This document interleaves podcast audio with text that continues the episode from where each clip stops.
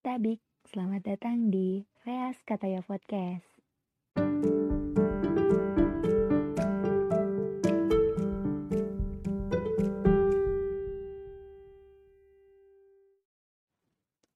Terima kasih telah mendengar dan menyempatkan waktunya.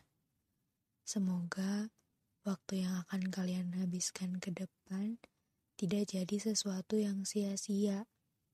Karena menurutku kita udah terlalu banyak terfokus pada hal yang sia-sia sampai lupa tujuan kita itu apa. Di episode kali ini, aku mau bahas tentang yang lebih. Dan sebelumnya aku mau tanya, tapi jawabnya dalam hati aja. Pernah mikir gak sih?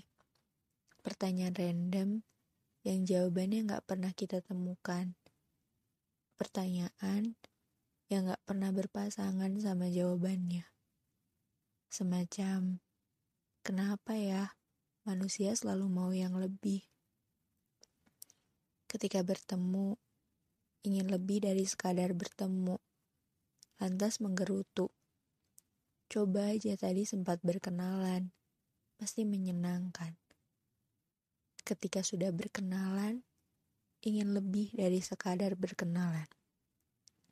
Coba aja aku sama dia jadi teman. Pasti seru banget bisa cerita banyak hal tanpa ragu. Ketika sudah berteman, ingin lebih dari sekadar teman. Coba aja bisa jadian sama dia.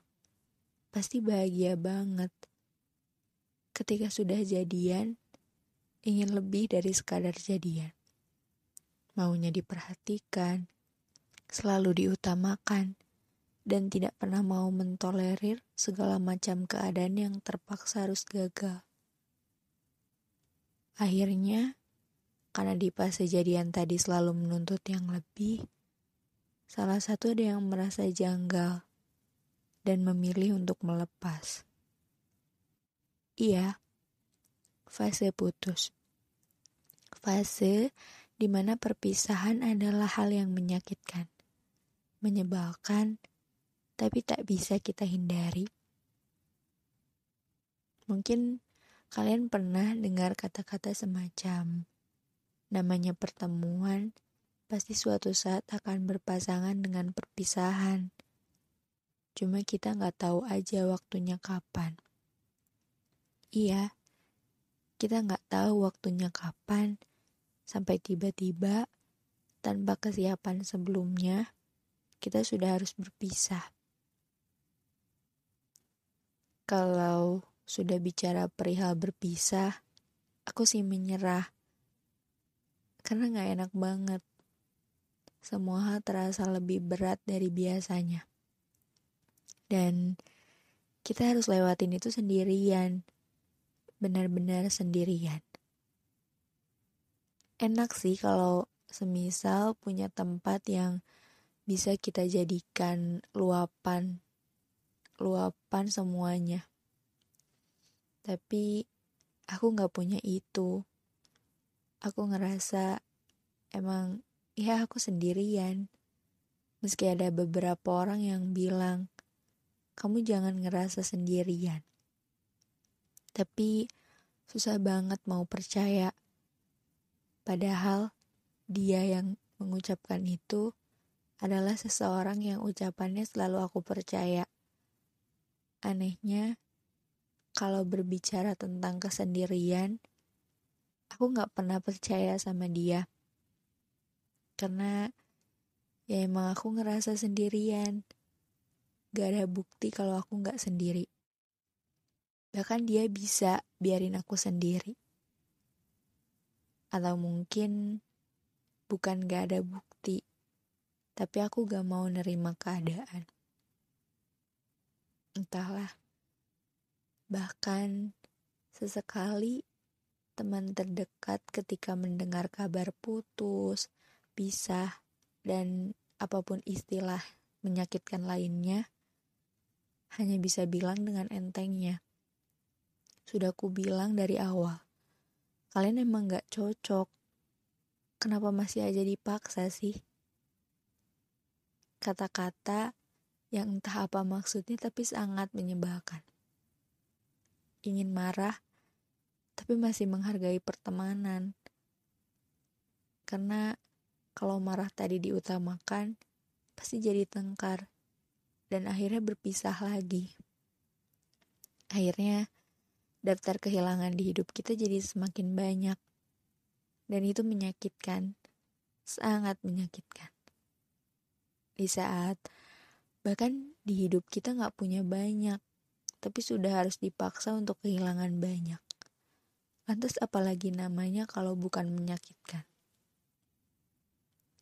Ya, berat emang kalau bahas tentang putus, pisah, kehilangan, dan semacamnya. Jadi ya kita lanjut aja. Karena setelah putus, bukan berarti kita berhenti untuk meminta yang lebih. Selalu saja ada salah satu atau bahkan kedua pihak yang masih ingin lebih dari sekadar pernah tapi tidak lagi. Selalu ingin mengulang tanpa peduli apa yang telah terjadi di belakang. Selalu ingin lebih karena tahu satu itu kurang dan kurang itu perlu dilengkapi.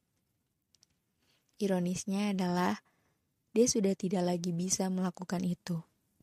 Dia sudah tidak lagi bisa melengkapi kurangmu. Ya, semua hal akan terasa lebih berat dari biasanya ketika kita kehilangan. Apalagi ketika kejadiannya masih sehangat kopi yang ada di depan kita.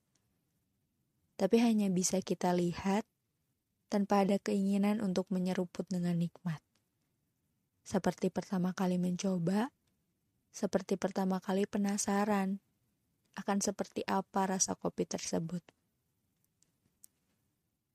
Aduh, berat banget emang pembahasan kayak gini. Serius, karena jadi tiba-tiba teringat bahwa diri sendiri juga sering kali meminta yang lebih. Tapi baru tersadar setelah semuanya menghilang. Dulu, rasanya apa yang aku lakukan sudah benar.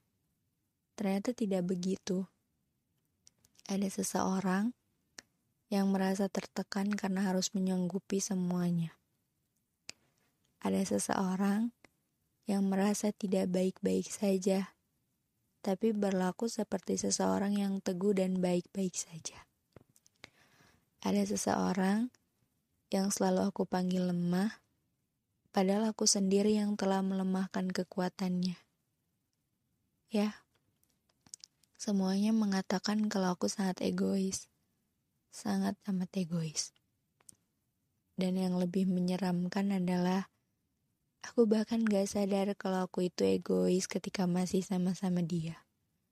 Maunya lebih terus, gak bisa bersyukur. Padahal kalau aku pikir-pikir sekarang, dia itu sempurna.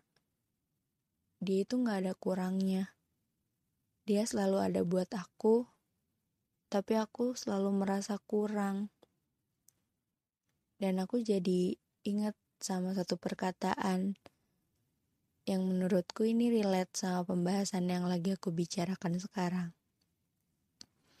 Jadi, kalau kita nggak bisa mensyukuri yang sedikit, maka kita juga nggak akan mampu mensyukuri sesuatu yang banyak. Setuju nggak sih? Kita tuh selalu menutup diri dari hal-hal yang kecil dan selalu lebih mengutamakan hal-hal yang besar. Padahal, jadinya kita malah kehilangan yang kecil tadi dan tidak mendapatkan yang lebih juga. Akhirnya nggak dapet apa-apa. Cuma bisa menyesal dan lagi-lagi bertanya, kenapa ya manusia selalu mau yang lebih? thank you